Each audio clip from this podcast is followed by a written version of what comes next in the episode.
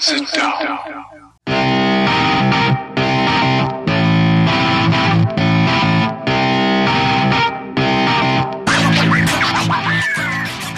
Witam wszystkich i każdego z osobna. Ja jestem Robert Kochan, a to jest Kochana NBA, najbardziej nieobiektywny podcast o najlepszej koszykarskiej lidze świata.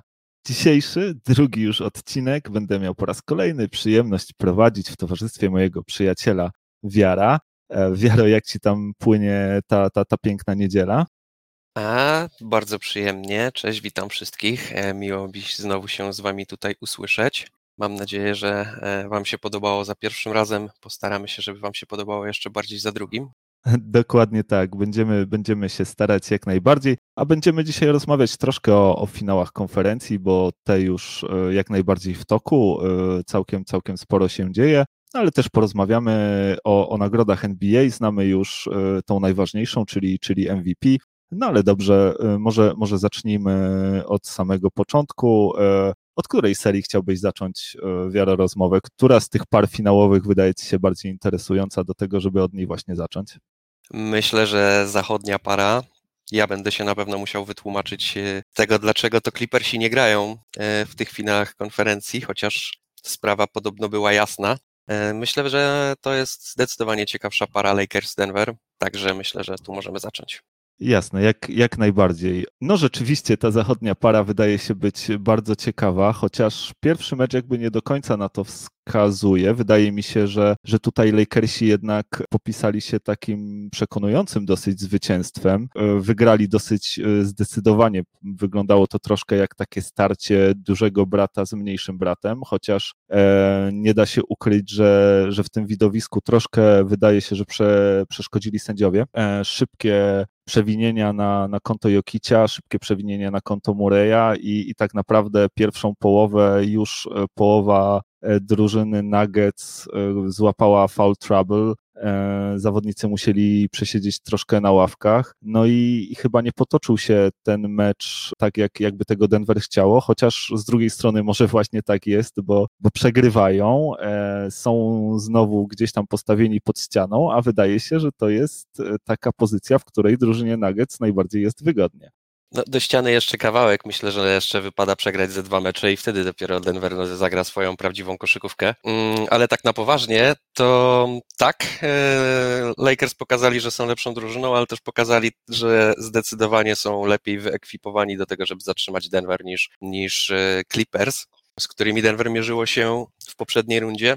Chciałbym zwrócić uwagę na e, dwóch wysokich, którzy grają w Lakers, którzy bardzo mocno uprzykrzyli życie Jokiciowi, a mianowicie Howard i JaVale McGee. JaVale McGee, e, bardzo ciekawa mm, e, linia statystyk po tym meczu. E, popisał się jednym blokiem, jedną niecelną trójką, cztery faule, 10 minut. Więc jakby zadanie tego zawodnika na boisku chyba było jasne. Wypuścili Dwighta Howarda oraz Javela na Jokicia, niech przeszkadzają, niech obijają go łokciami, niech go wypychają spod kosza, niech robią wszystko, żeby Jokic nie grał swojej gry, żeby nie było mu łatwo. No i to jak najbardziej poskutkowało. Mm, no i to, co, na co ty zwróciłeś uwagę, czyli sędziowie lekko pomogli. Może nie było to jakieś super e, widoczne w sumie mm, jakby zobaczyć po meczu na statystyki rzutów wolnych, no to wyszło w miarę porówno. Natomiast właśnie kluczowa rzecz, że Jokic i Murray siedzieli z trzema faulami już w drugiej kwarcie E, no i było bardzo nerwowo w obozie Denver. No widać było, że są sfrustrowani tą defensywą e, przeciwko Jokiciowi graną. No i skończyło się jak się skończyło. No nie, nie, nie byli już w stanie wyjść z dołka. Lakers jednak nie oddają takich, e, takich wygranych w przeciwieństwie do Clippers. Jak już mają mecz w kieszeni, no to dowożą zwycięstwo. E, no i tak było też tutaj w tym przypadku. Tobie jak się podoba ta pierwsza seria? Jakie twoje wrażenia?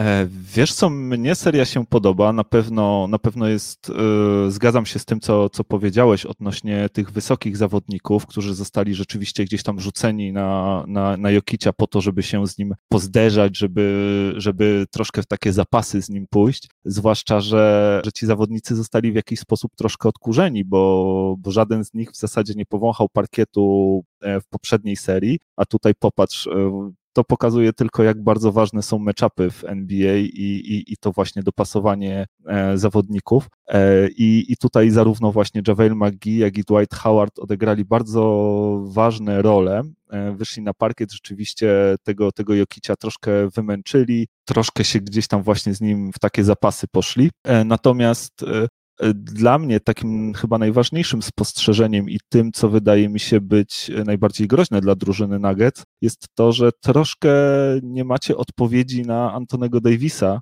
o, o ile w ogóle ktokolwiek w tej lidze ma, ma, ma na niego odpowiedź. Natomiast no, wydaje się, że jest on albo za duży i za szybki dla Millsapa, albo za szybki dla Jokicia. No i rzeczywiście wygląda to tak, że Antony Davis e, robił w tym meczu troszkę co chciał. Skończył go prawie z dorobkiem 40 punktów, 10 zbiórek. E, no, świetny mecz w jego wykonaniu i mimo to, że LeBron James wcale nie zagrał jakichś takich super zawodów, no to jednak okazało się to być troszkę za dużo. Na pewno trener Mike Malone będzie musiał e, jakoś się do tego ustosunkować, jakoś wymyślić sposób, jak tego, jak tego Davisa powstrzymać, troszkę, troszkę ograniczyć, no i, i, i zobaczymy. Na razie pokazał e, Malone, że potrafi takie rzeczy robić, że, że, że potrafi znajdywać odpowiedzi, no i mam nadzieję, że, że tutaj również się to uda i że e, Nuggets nie, nie będą znowu aż tak postawieni pod ścianą już tak, tak do końca, chociaż e, w tej sytuacji w tym sezonie radzą sobie świetnie, bo w przypadku meczów, w których groziła im eliminacja, wygrali sześć, nie przegrali żadnego, więc, więc może to jest ta, ta pozycja, na, której,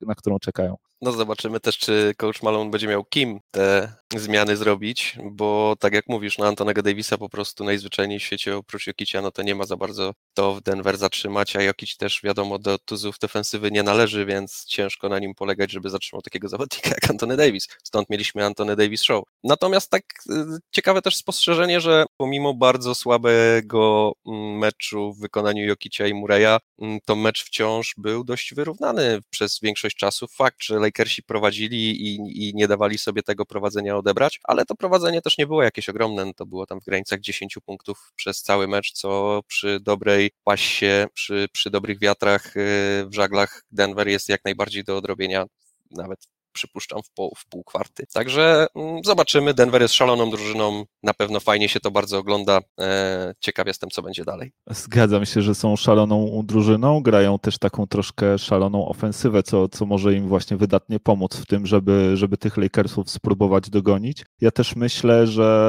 w tym pierwszym meczu stało się coś, co, co raczej nie będzie powtarzalne, mianowicie wysoka skuteczność e, i duża ilość punktów e, Coldwell Pope'a. Ja aż tak nie wierzę, wierzę w tego zawodnika, nie wierzę, że będzie w stanie utrzymać e, tak wysoką formę rzutową. W tym meczu akurat zdobył nawet więcej punktów niż LeBron James. Myślę, że e, o ile Lakersi są taką troszkę drużyną, gdzie, gdzie ten trzeci najlepszy zawodnik u nich się troszkę zmienia i zawsze ktoś z tych rezerwowych e, unosi się do góry, żeby, żeby, żeby wesprzeć, ale, ale wydaje mi się, że w przypadku Połpa to, to nie będzie takie powtarzalne i, i jeżeli rzeczywiście nikt inny gdzieś tam nie, nie, nie wyjdzie przed szereg do przodu z tych rezerwowych, no to, to Denver ma jednak dużą szansę na to, żeby tą swoją ofensywą e, no jednak troszkę właśnie poszaleć. Tak, zgadzam się. A nawiążmy troszeczkę do tej serii, która już się zakończyła. Powiedz mi, jak twoje odczucia po porażce Clippers i jak widzisz przyszły sezon w wykonaniu tej drużyny?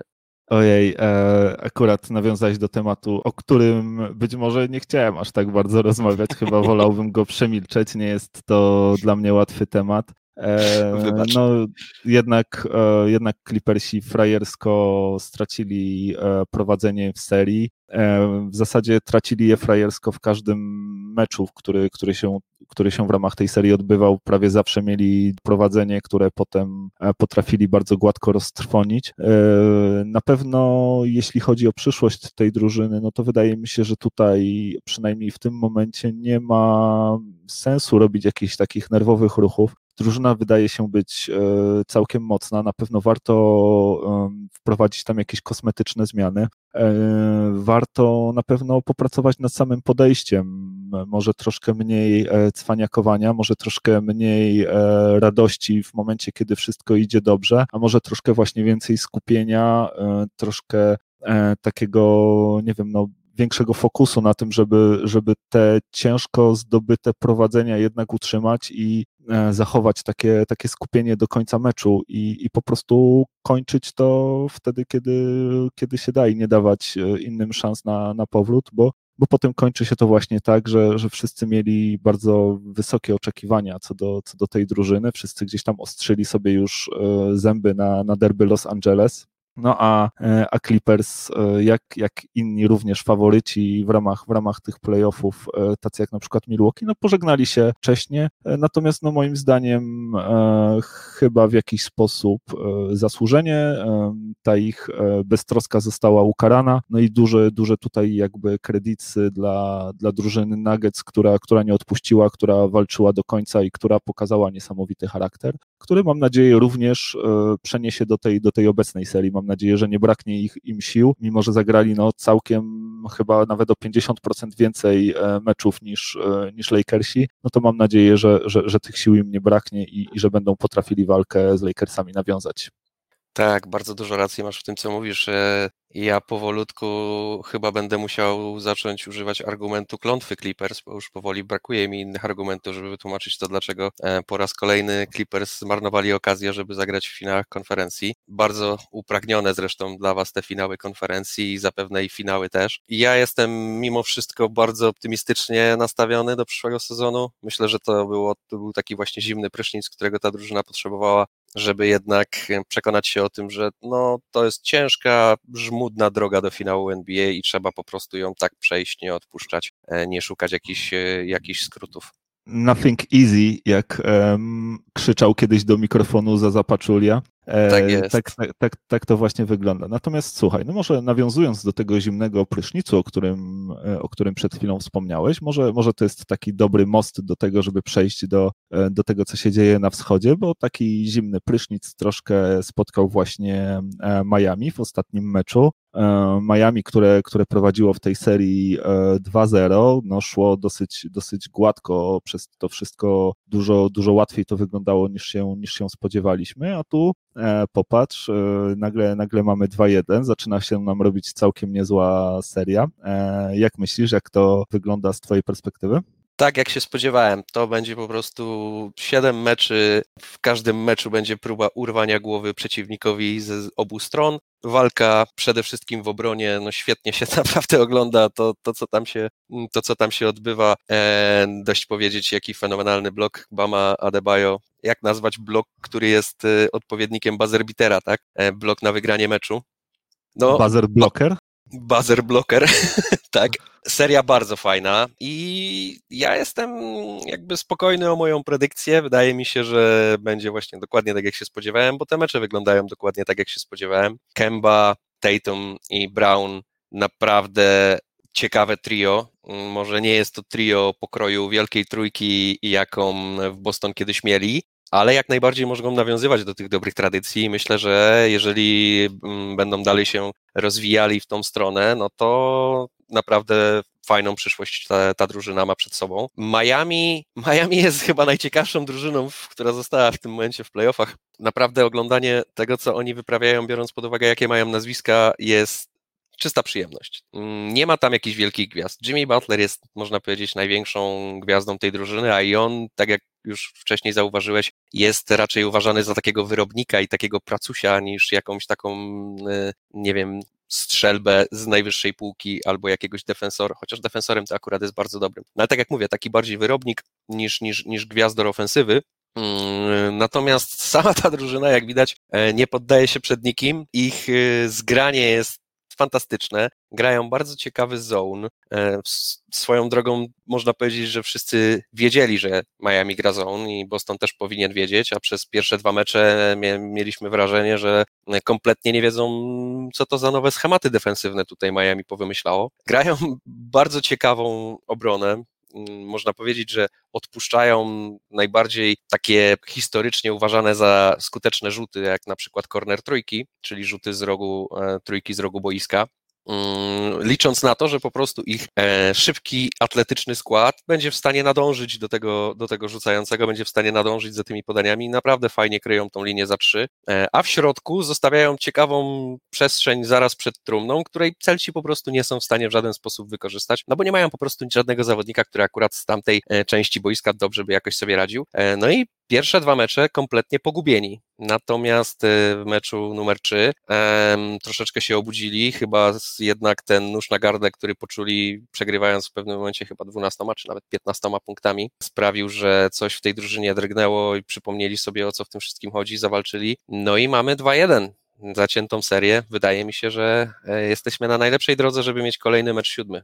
E, no, niewykluczone, że właśnie tak będzie. E, jak gdzieś tam chciałem, jeśli pozwolisz, odnieść się do tego też, co ty powiedziałeś, bo, bo faktycznie ta obrona strefowa to było coś, z czym Celtics w pierwszych dwóch meczach kompletnie nie potrafili sobie poradzić. E, jeżeli też mowa o, o zawodnikach hit, to tutaj na pewno bardzo warto zwrócić uwagę na ten, na ten młody trzon zespołu. Mam tutaj na myśli konkretnie takich zawodników jak Duncan Robinson i, i Tyler Hero. Ten pierwszy w zasadzie tak powiem to może troszkę nawiązując do, do wszystkiego, co się teraz dzieje w NBA, bo, bo ten sezon jest w jakiś sposób historyczny i tutaj właśnie to też e, gdzieś tam dotyczy Duncana Robinsona. Okazuje się, nie wiem czy wiesz, jest to e, zawodnik, e, który już teraz tak naprawdę w swoim, w swoim drugim sezonie zdobył, pobił jakby rekord Miami Heat pod względem trafionych rzutów za trzy w jednym sezonie. No i, i, i pobił w ogóle rekord NBA, jeżeli chodzi o trafione rzuty za trzy w pierwszych dwóch sezonach w całej historii, jeżeli chodzi o wszystkich zawodników, więc y, no, zawodnik, który po prostu ma, ma niesamowity dryg do tego, żeby te trójki rzucać, rzuca je na niesamowitej skuteczności. E, Podobnie I... jak jego kolega Hiro. Dokładnie, dokładnie tak. Właśnie, właśnie też chciałem, chciałem opowiedzieć o Tylerze, bo, bo on też akurat może pochwalić się e, rekordem. To jest E, rekord, który tak naprawdę zdobył podczas tego ostatniego przegranego meczu. 16 punktów e, w jednej kwarcie to było najwięcej e, rzuconych przez zawodnika w wieku do 20 lat w całej historii NBA. Ostatnim zawodnikiem, który tego dokonał, był w swoich wczesnych latach kariery Kobe Bryant, więc, więc tutaj samo pojawienie się nazwiska Hero obok, obok Kobiego, no, wydaje się dużym wyróżnieniem i wróży całkiem nieźle temu zawodnikowi. Czyli mówisz, że mamy w Miami splash puppies, tak? E, no, bardzo, bardzo ładnie to nazwałeś. E, tak, wszystko na to wskazuje. E, I zobaczymy, zobaczymy, jak to, jak to będzie w tej drużynie wyglądało. Natomiast jeszcze gdzieś tam przechodząc do, do drużyny Boston i, i tego, co, co sprawiło, że ten trzeci mecz jednak został przez nich wygrany. I został wygrany, wydaje mi się, no dosyć, dosyć pewnie. Ta trzecia kwarta w ich wykonaniu była, była bardzo dobra. Odskoczyli rzeczywiście Miami, które, które próbowało jednak gonić do samego końca, ale się to nie udało. Natomiast no, sami zawodnicy Bostonu, sama pierwsza piątka zawodników z Bostonu razem zdobyła dokładnie 100 punktów, e, co, co, co chyba nie zdarza się tak często I, i wydaje mi się, że jak będą tak grać, to będzie im szło dużo łatwiej w tej serii. Na pewno też e, bardzo duży wpływ e, na ten, na ten obrót spraw, na, na, na tą zmianę i na wygranie tego meczu trzeciego miały wpływ dwa czynniki. Pierwszym była kłótnia pomiędzy Markusem Smartem e, i Jalenem Brownem zaraz po meczu numer dwa. Podobno w szatni było bardzo głośno. Kłótnia e, to wiesz, to, to było próba pracowniczego rozwiązania problemów, które napotkali na swojej drodze.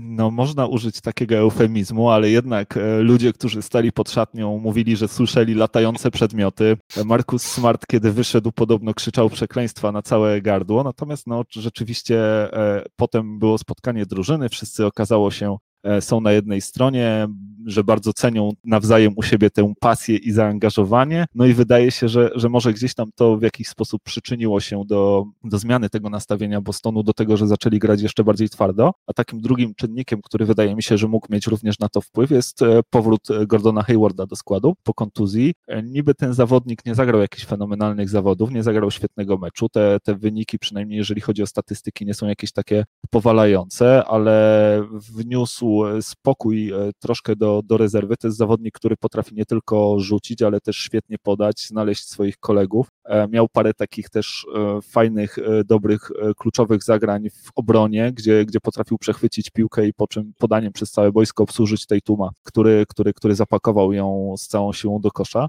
No więc to, to jest dla mnie w jakiś sposób ciekawe, jak, jak Hayward wkomponuje się po powrocie po kontuzji do tego składu. No i czy rzeczywiście ten, ten jego impact, jego wpływ na drużynę będzie taki, że, że Boston będzie dużo łatwiej od tego momentu grać. Tak, to w ogóle trzeba też dodać, że Hayward mimo można się było spodziewać, że ze skutecznością po, po takiej przerwie nie będzie na pewno mm, super różowo. No i faktycznie skuteczność e, miał w tym meczu kiepską, ale tak jak mówisz, bardzo pożyteczny dla drużyny. E, no dość spojrzeć nawet w statystyki, które bardzo ładnie to oddają, tak? Pięć zbiórek, cztery asysty, trzy przechwyty, jeden blok, tylko przy, przy tylko jednej stracie i trzech faulach. No coś takiego, mieć zawodnika, który jest w stanie coś takiego dać drużynie, mm, mając oczywiście taką pierwszą piątkę, która jak już wspomniałeś jest w stanie stanie rzucić 100 punktów. Też e, tutaj mały shoutout dla Markusa Smarta i jego 10 na 10 e, zrzutów osobistych, co też nie jest e, zawsze pewne w jego wykonaniu. Tak, myślę, że mieć takiego zawodnika to skarb i Boston tutaj to pokazał bardzo, bardzo faktycznie mm, duża zasługa. Zobaczymy, jak, jak, jak będzie dalej, tak jak mówisz. Mm, no ja myślę, że, tak jak już wspominałem, że Boston ma wszystko, co można chcieć jeżeli jest się fanem drużyny, tak? Młode gwiazdy, fajną przyszłość, fajnego trenera. No, radzą sobie naprawdę bardzo dobrze w playoffach, grają w finałach konferencji. Być fanem Boston dzisiaj to chyba całkiem przyjemne uczucie.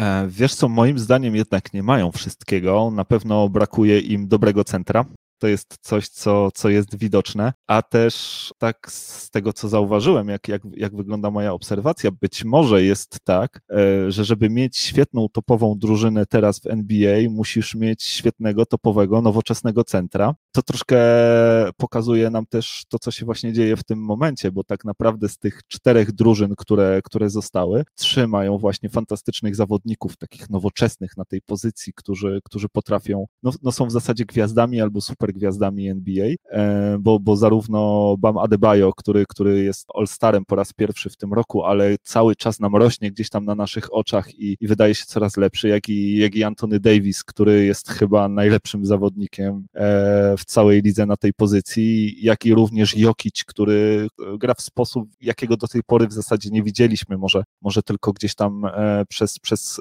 ten ułamek kariery Sabonisa, gdzie, gdzie, gdzie już mocno po 30 30 do, do NBA dołączył. E, no ale, ale wydaje się, że, że, że może właśnie w ten sposób e, będzie wyglądać NBA. Żeby mieć topową drużynę, musisz mieć topowego bigmana.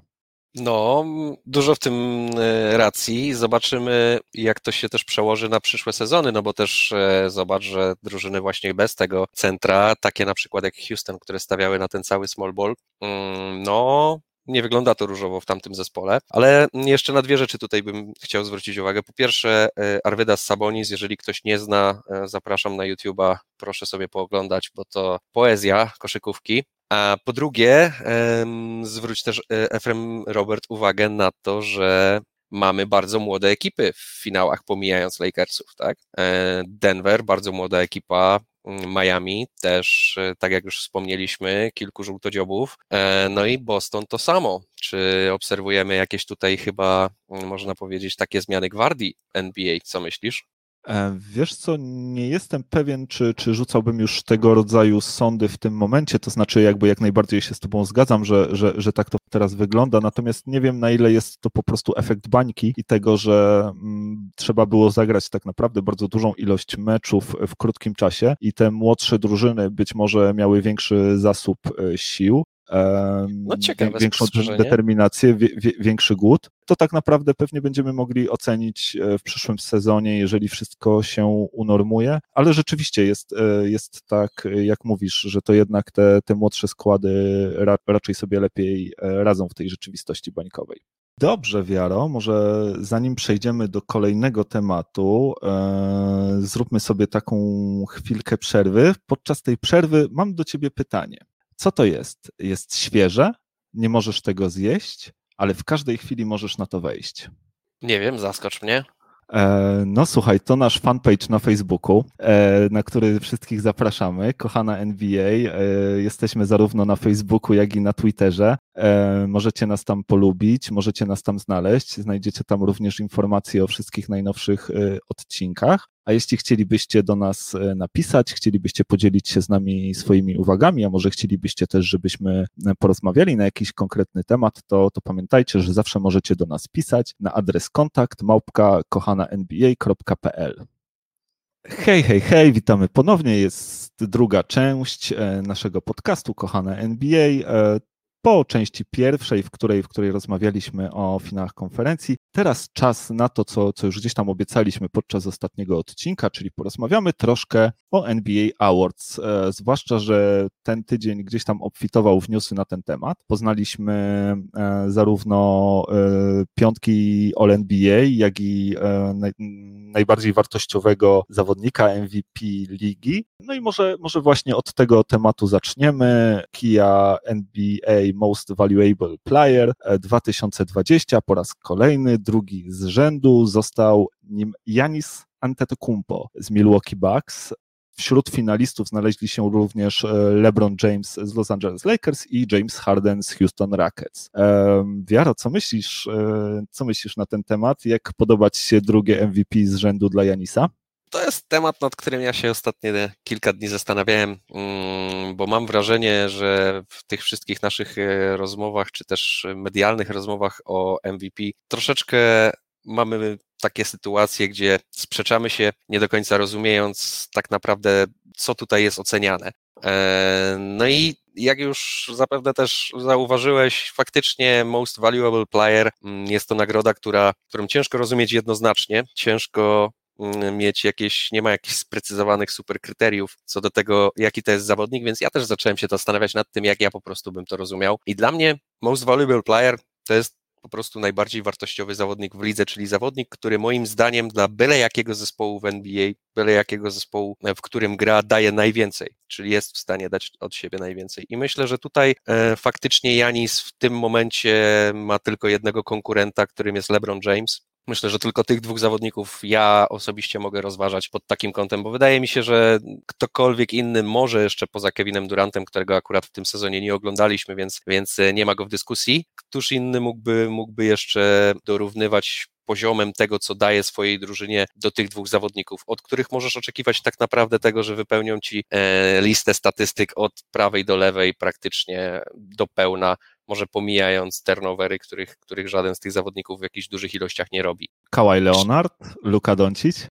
Tak, y, to są też zawodnicy, którzy na pewno, na pewno, których też można na pewno gdzieś tam e, rozpatrywać pod tym kątem, ale dla mnie osobiście, no to tak czysto pod kątem koszykarskim, tak czysto pod, tak, przez, takie spektrum właśnie, przez taki pryzmat, co ci ten zawodnik daje w twojej drużynie. Wydaje mi się, że no ani Luka, ani Kałaj nie dorównują pod tym kątem Janisowi. Luka jest mniejszy, y, zresztą ja, Kałaj od Janisa też, Janis jednak jest świetnym obrońcą, więc Luka już tutaj jakby z samego tego, e, z samych swoich umiejętności defensywnych musiałby zrezygnować tutaj, żeby z, stawania w szranki z kolegami, a więc zostaje nam trzech zawodników, no a Kawhi Leonard jednak ofensywnie mm, jest, mimo że jest świetny i uważam, że jest naprawdę wybitnym zawodnikiem, no to nie ma takiej wizji, nie, nie jest takim playmakerem jak LeBron James, czy też nie ma takich warunków fizycznych, które pozwalałyby mu tak dominować jak e, w ofensywie, jak to robi Janis, więc dla mnie ci dwaj zawodnicy tutaj są kluczowi, za LeBronem na pewno przemawia jego ogromna inteligencja boiskowa, ja uważam, że to jest naprawdę jeden z największych strategów tej gry w historii. Gość podobno ma mm, wręcz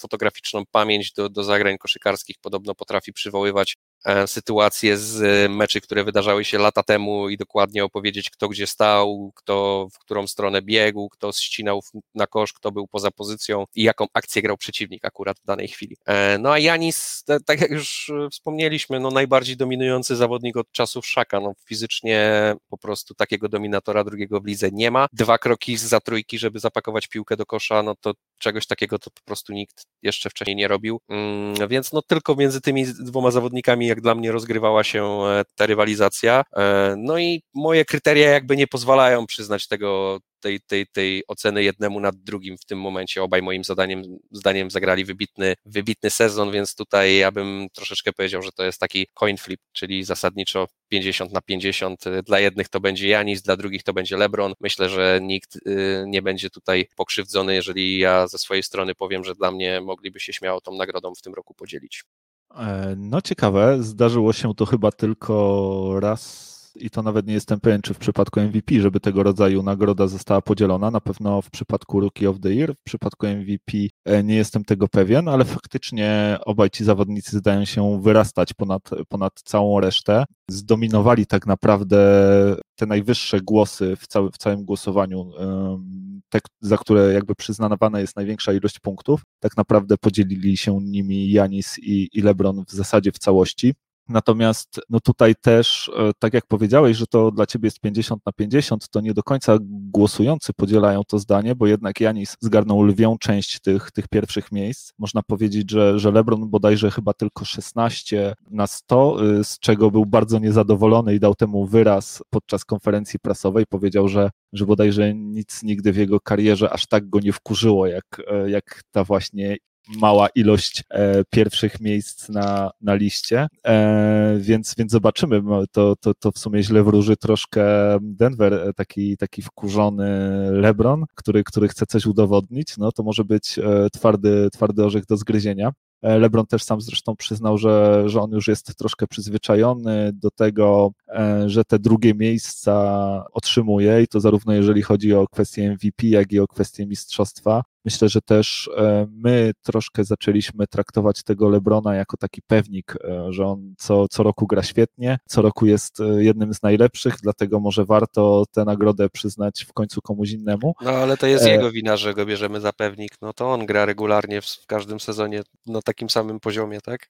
E, no tak, zgadza się. Natomiast tutaj też e, chciałbym, chciałbym oddać chwałę jednak Janisowi, który, który zagrał no absolutnie moim zdaniem monstrualny sezon. Te wyniki, e, które robił, te, te, jeżeli chodzi o statystyki, są, są po prostu fantastyczne. To jest coś, co się nazywa właśnie, tak jak gdzieś tam wcześniej wspomniałeś, Shack-like numbers, 30 punktów, 14 zbiórek, 6 asyst średnio, stile i bloki, świetna gra w obronie i co najważniejsze, tak naprawdę wszystko to zrobione e, w lekko tylko ponad 30 minut, czyli tak to wyglądało troszkę jakby Janis e, w trzy kwarty e, robił wyniki historyczne w całej, w całej skali MVP. NBA, więc jak najbardziej moim zdaniem to MVP, ten tytuł się jemu należy, zwłaszcza, że jest on przyznawany tak naprawdę za sezon zasadniczy. Troszkę musimy sobie zapomnieć o tym, co zobaczyliśmy w playoffach w przypadku Janisa i, i skupić się właśnie na tym sezonie e, zasadniczym.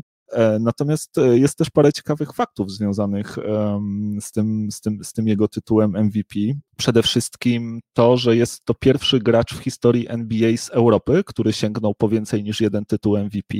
E, do tej pory nikomu się to nie udawało. Janis jest, jest pierwszym takim zawodnikiem. Ponadto jest to trzeci gracz w historii, który osiągnął, który zdobył tytuł MVP i Defensive Player of the Year w tym samym roku. E, jestem ciekaw, czy, czy, czy uda ci się wskazać dwóch pozostałych.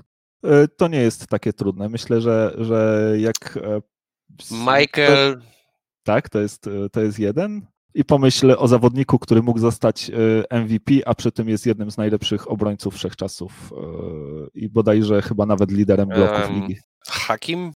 Tak, zgadza się dokładnie. Hakim Olajuwon, to ty, tylko, tylko tym zawodnikom udało się e, zdobyć tytuł najlepszego defensywnego gracza i najlepszego gracza w tym samym roku. Natomiast lista e, zawodników, którzy w ogóle zdobyli nie w tym samym roku tytuł MVP i Defensive Player of the Year nie jest, e, nie jest wcale dłuższa, bo ona sięga tylko bodajże pięciu zawodników, jeśli się nie mylę. I, i, I powiedz mi, czy może wiesz, kto, kto, kto mógł jeszcze jakby do tej listy do, do Hakima i, i do Jordana dołączyć, e, jeżeli chodzi właśnie o Defensive Player of the Year i, i MVP w swojej karierze? Kurde, nie wiem, no. To jeszcze e... coś takiego zrobić. Kobi nie był Defensive Player of the Year nigdy. No właśnie, to jest, to jest dobry klucz, żeby, żeby patrzeć przez, przez pryzmat obrony. E, jednym, jednym z nich to jest, wydaje mi się, takie bardziej. Kto tam był, nie wiem, Robinson? Tak, doskonale, dokładnie, dokładnie tak. Z e, San Antonio Spurs. To może i Duncan, nie? Nie, nie, nie, Tim Duncan nie. Duncan nie wygrał Defensive Player of the Year nigdy? Ciężko mi powiedzieć, no nie Ciekawe. przypominam musiał, musiał, musiałbym to sprawdzić, ale, ale nie ma go na pewno na tej liście, więc, e, więc gdzieś tu pewnie e, czegoś, czegoś mu brakło, e, ale zawodnik, którego szukamy, gra dokładnie, grał dokładnie na, na, na podobnej pozycji, co, co, co właśnie Tim Duncan, tylko... To jeszcze Defensive Player of the Year mógł zdobyć. Mm, no nie wiem. Kevin Garnett. Zaskocz mnie. Och, kurde, jak mogłem o Garnecie zapomnieć.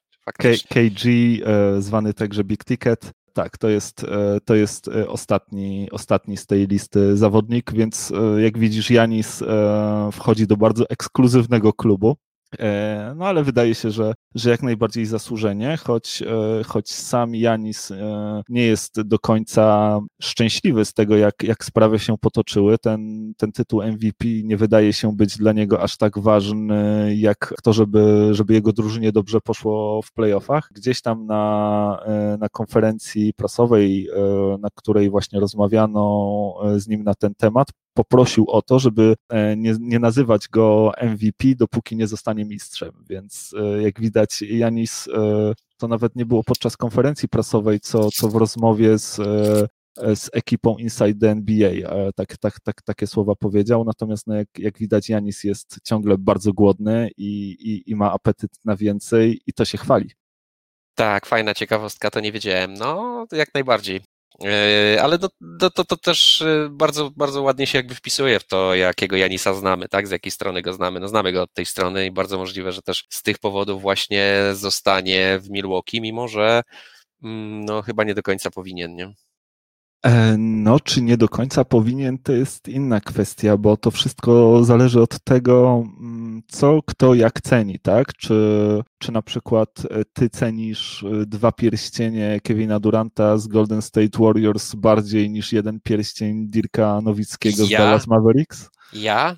Ja Durantowi nie liczę pierścieni. Jak dla mnie to on jeszcze swojego pierwszego nie zdobył.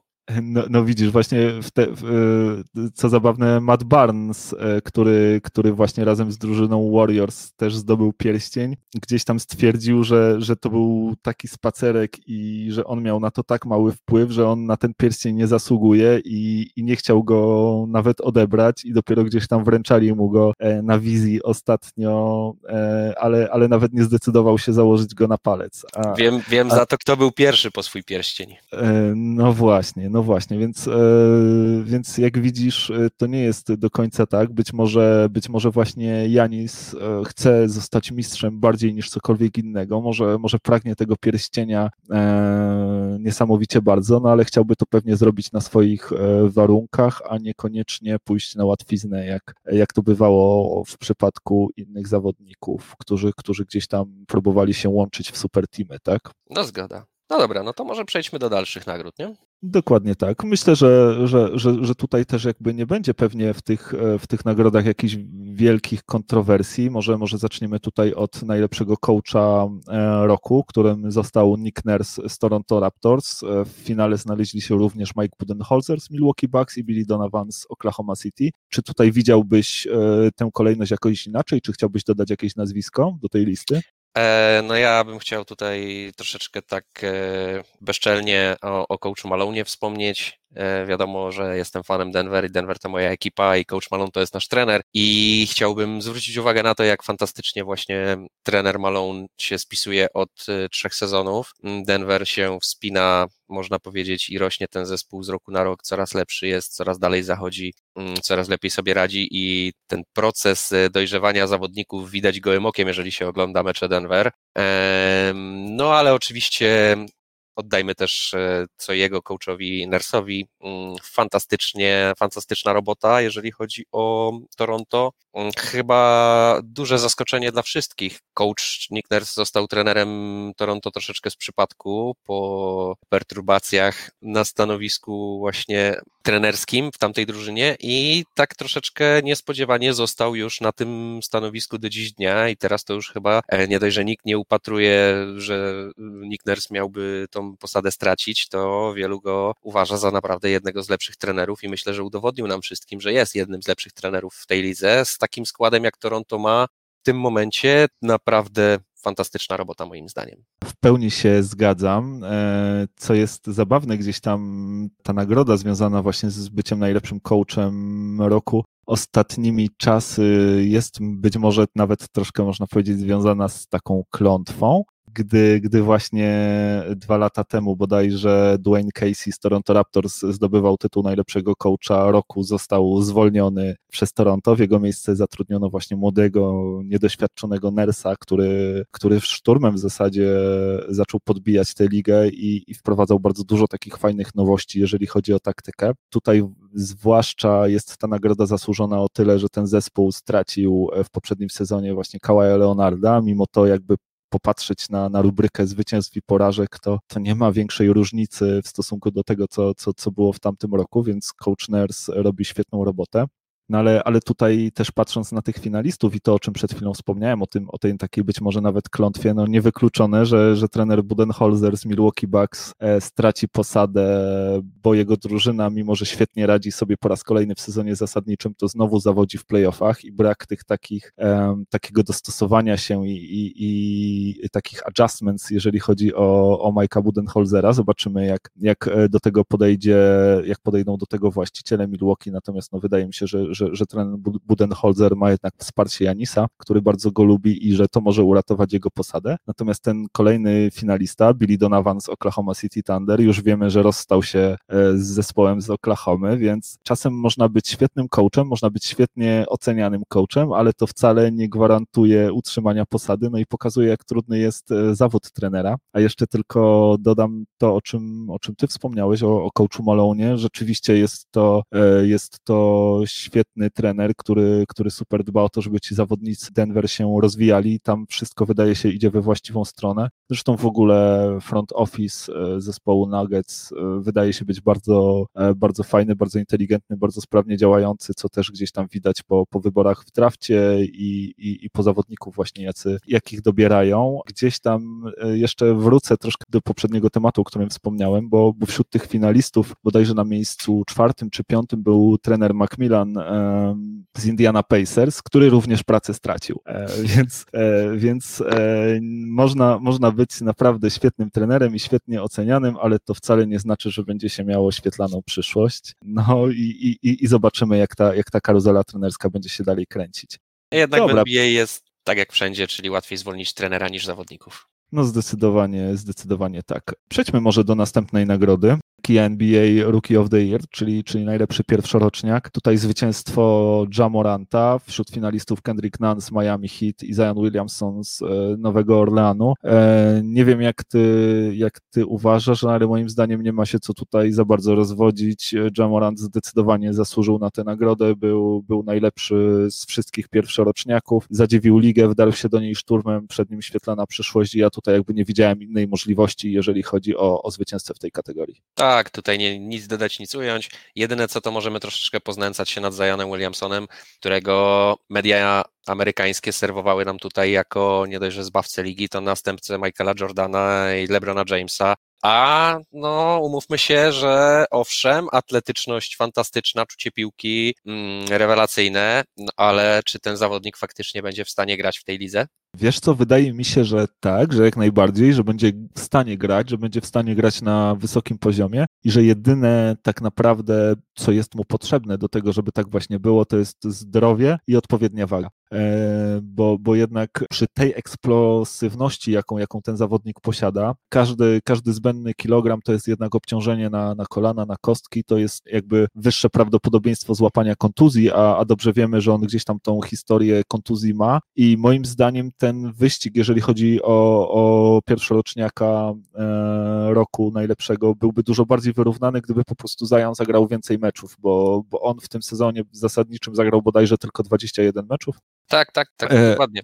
Bardzo, bardzo mało, więc, więc tutaj jakby wydaje mi się, że jedyne, co jest w stanie Zajona powstrzymać przed tym, żeby grać na, na najwyższym poziomie, oczywiście jakby nie chcę tutaj zakładać, że on osiągnie kiedykolwiek, zbliży się do poziomu Lebrona, natomiast wydaje mi się, że, że jak najbardziej ma szansę być gwiazdą ligi, powiedzmy chociażby taką, jaką, jaką przez długi czas był Blake Griffin, ale, ale do tego właśnie potrzebuje, potrzebuje zdrowia i, i tego, żeby właściwie zadbać o, o swoje ciało. No, trzymajmy kciuki, bo chłopak lata niesamowicie. Jest e, ogromny, nie wygląda jak e, momentami nawet jak zawodnik NBA, bo naprawdę moment, jak się na niego patrzy, to ma się wrażenie, że chłopak jest po prostu grubaskiem, ale no lata niesamowicie jest niesamowicie szybki. Jeżeli ktoś e, nie zna zawodnika, polecam jakieś e, highlighty sobie puścić, zobaczyć, e, co ten zawodnik potrafi. No i tak jak tutaj Robert wspomniał, trzymamy kciuki za jego zdrowie, bo to jest coś, co może, może, może zatrzymać tą jego karierę. Okej, okay. kolejna nagroda, chyba troszkę oszukana, już kolejny sezon z rzędu troszkę oszukana.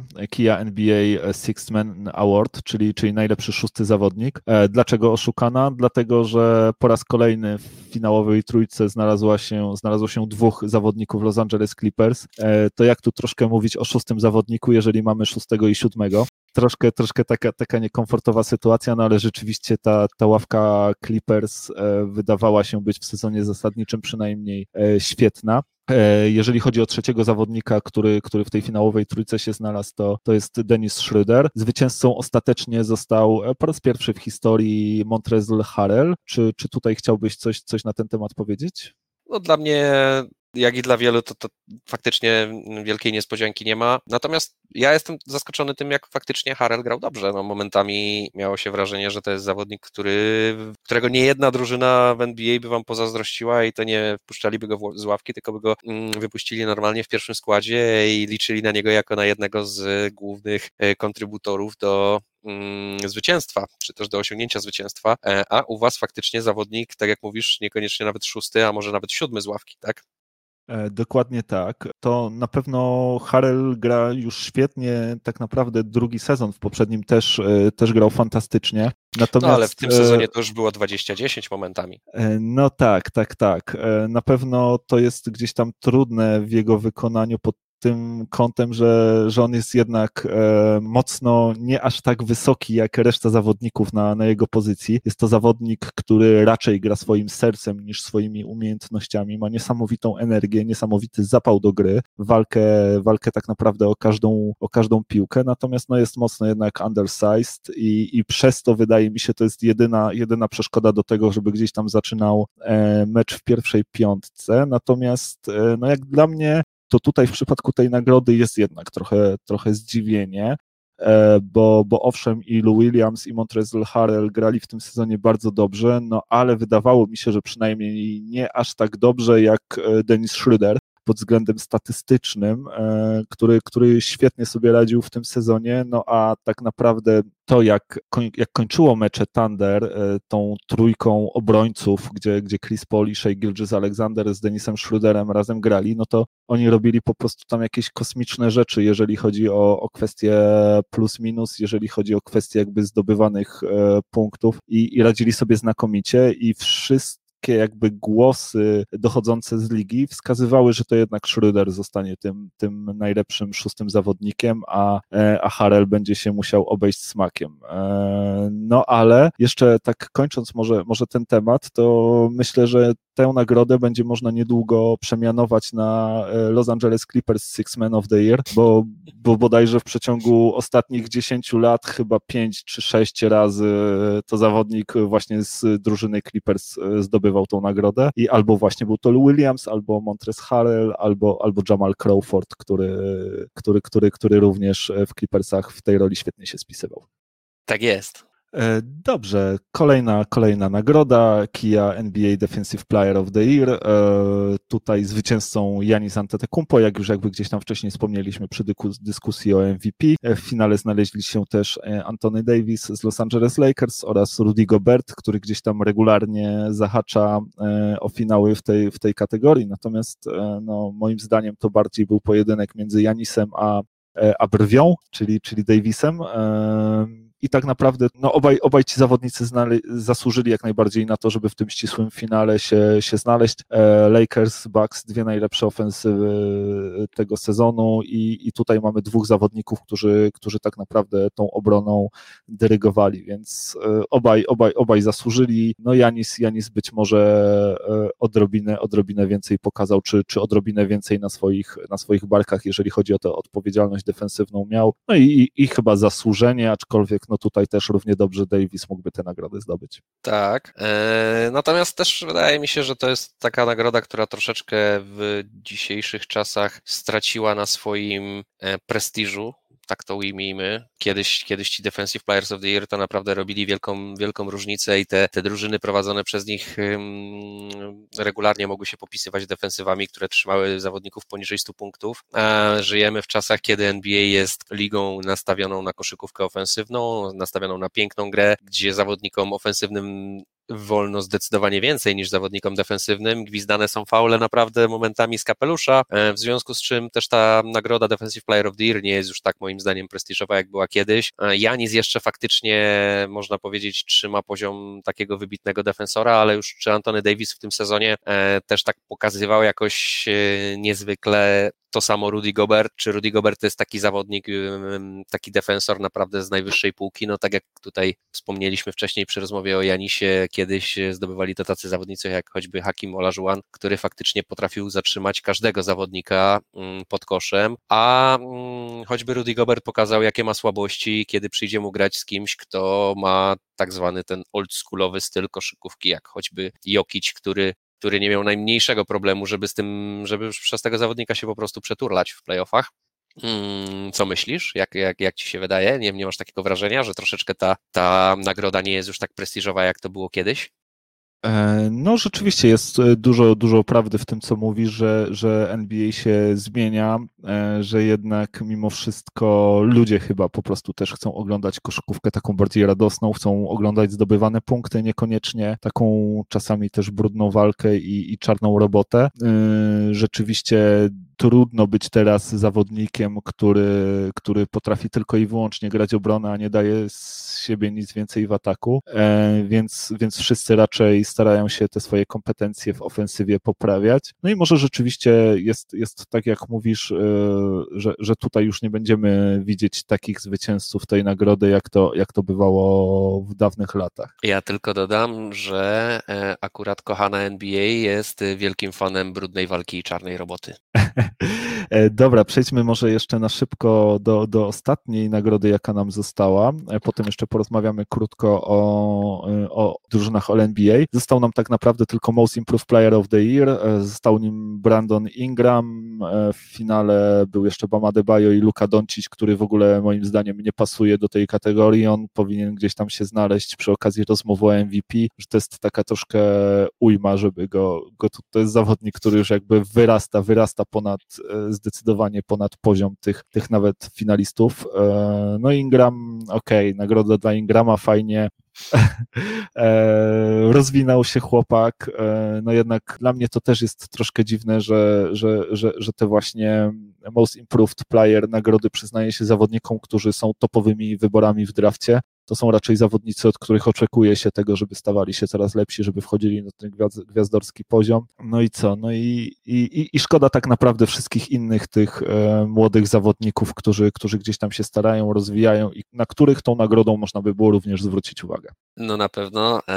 Ja pójdę krok dalej i powiem, że cała ta nagroda jest taką troszeczkę ujmą jeżeli rozmawiamy o nagrodach NBA, to wielu zwracało uwagę na to, że troszeczkę tych nagród mamy za dużo i niektóre z nich są takie troszeczkę e, niejasne. Mamy MVP, mamy MVP playoffów. E, takie to jest wszystko troszeczkę przemieszane. Wielu mówiło o tym, żeby gdzieś zrobić mm, może z tym wszystkim porządek i gdzieś tam coś pozmieniać. E, jeżeli ja bym miał tutaj mm, jakieś moje rady dawać co do tych zmian, to ja bym tą nagrodę zlikwidował, tak? Most Improved Player. Jak dla mnie to jest taka śmieszna nagroda. Nie wydaje mi się, żeby ktoś w NBA, będąc zawodnikiem pokroju, tak jak mówisz, na przykład Luki Doncicia, w ogóle zaprzątał sobie głowę tym, że dostanie taką statuetkę i bardziej to prawdopodobnie będzie dla niego obowiązek, który musi wypełnić, będzie musiał pojechać, coś odebrać, w momencie, kiedy mógłby, nie wiem, ćwiczyć, czy, czy, czy reklamy nagrywać, e, czy zajmować się innymi sprawami związanymi ze swoim życiem, czy też karierą. Mm, nie jest to moim zdaniem poważna nagroda i ja też jej poważnie nie traktuję. Tak jak mówisz, tutaj wygrał Brandon Ingram, okej, okay, fajnie, że wygrał. On pewnie też jutro o tym zapomni i pewnie, e, chociaż akurat jego półka z pucharami może nie jest zbyt, zbyt rozległa, więc pewnie przez jakiś czas ten pucharek sobie tam poleży, ale jestem przekonany, że Brandon Ingram ma większe ambicje niż, niż dostać nagrodę dla Most Improved player.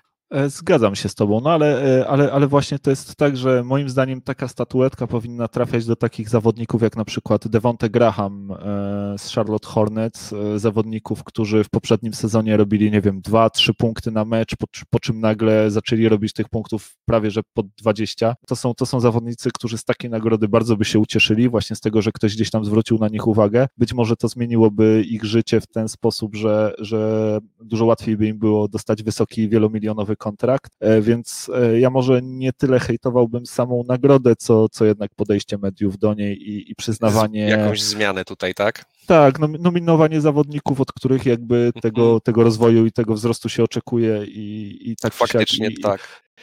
I, i, I wrzucanie tutaj e, jakby tych wysokich pików w drafcie.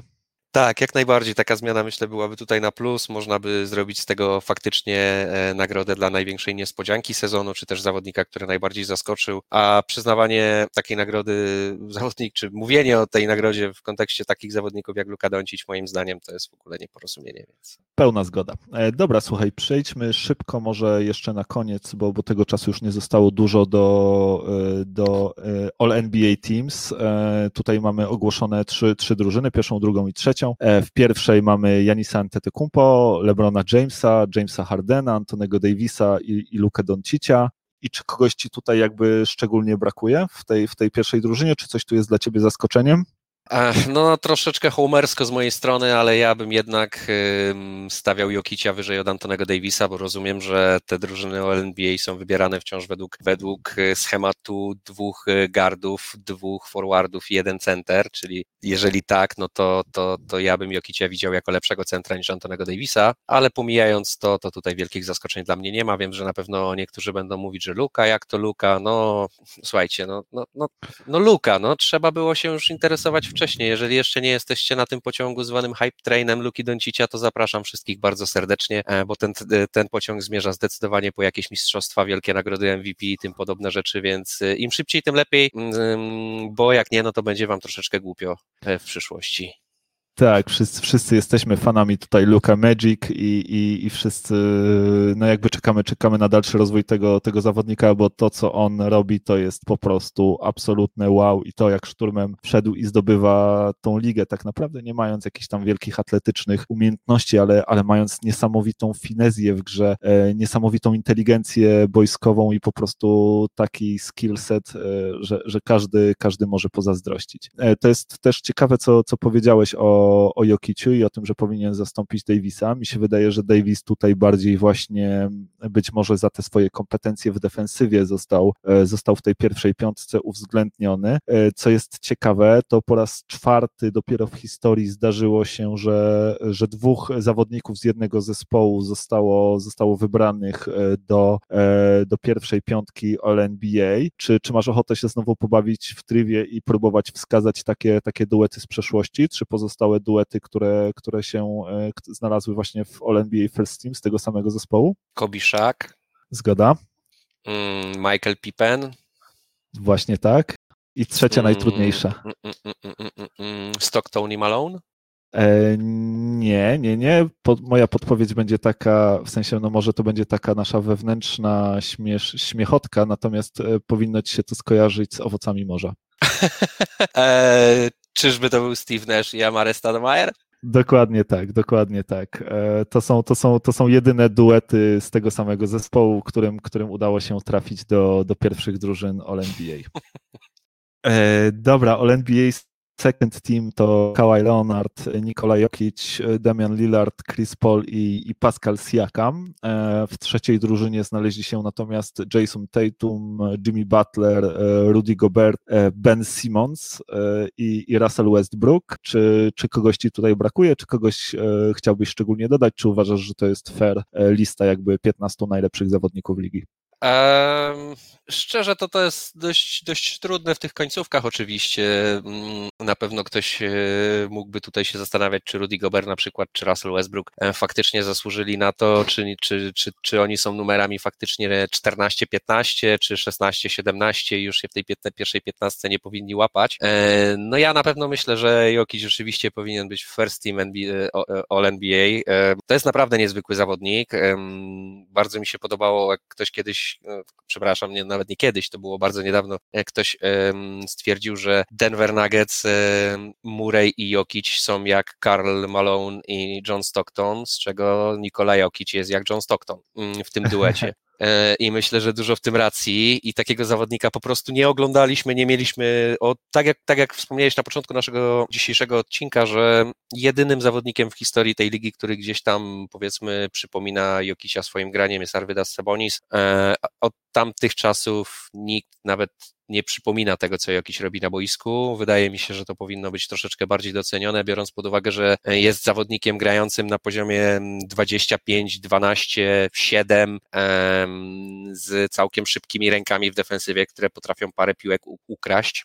A Antony Davis, no oczywiście jak najbardziej, tak jak wspomniałeś, defensywnie e, na pewno Behemoth, e, zdecydowanie większy od Jokicia tutaj w tym aspekcie. Być może to faktycznie zaważyło tutaj na tej decyzji. Ja mam do Ciebie ciekawe pytanie, którą z tych drużyn tak naprawdę e, wolałbyś w perspektywie przyszłości, pomijając pierwszą, drugą czy trzecią? Czy drużyna złożona z Chrisa Pola, Dame'a Lillarda, Kawaja Lenarda, Pascala Siakama i Jokicia, czy Ben Simmons, Russell Westbrook, Jimmy, Jason Tatum i Rudy Gobert? No powiem Ci, że zdecydowanie jednak drugą drużynę. Tą trzecią drużynę wybrałbym, gdybym chciał budować dom, bo, bo wydaje się, że jakby liczba cegieł, e, która, która się tam znajduje, bo to zarówno Ben Simmons, jak i Russell Westbrook, jak i Rudy Gobert, to, to tak e, raczej nie można na nich liczyć, jeżeli chodzi o rzuty z dystansu. No a już podczas poprzedniego odcinka rozmawialiśmy o tym, że, że tak naprawdę jeżeli w tej lidze nie, nie, nie jesteś pewnym shooterem i nie, nie można na ciebie liczyć, e, na, na twoje skuteczności wysokie, regularnie, no to, no to jednak e, w tych kluczowych momentach zostajesz z tyłu, więc, więc jednak zdecydowanie, e, zdecydowanie wybrałbym e, tą, tą drugą drużynę. Dobrze, to już chyba na tyle, jeżeli chodzi o dzisiejszy odcinek podcastu Kochana NBA. Raz jeszcze zapraszamy Was do tego, żebyście polubili nas na, na Facebooku, żebyście polubili nas na Twitterze. No i raz jeszcze przypominamy, że jeżeli chcecie, żebyśmy o czymś porozmawiali, chcecie w jakiś sposób skomentować to, co mówimy, a może macie swoje własne przemyślenia na temat nagród NBA, tego kto powinien je otrzymać, czy, czy drużyn NBA. Piszcie do nas na pewno w każdej sprawie. Jeżeli, jeżeli będą jakieś pytania, to też postaramy się porozmawiać e, o nich na, e, podczas podcastu. A tymczasem e, żegnamy Was bardzo miło i życzymy Wam przyjemnego tygodnia. Trzymajcie się, do usłyszenia.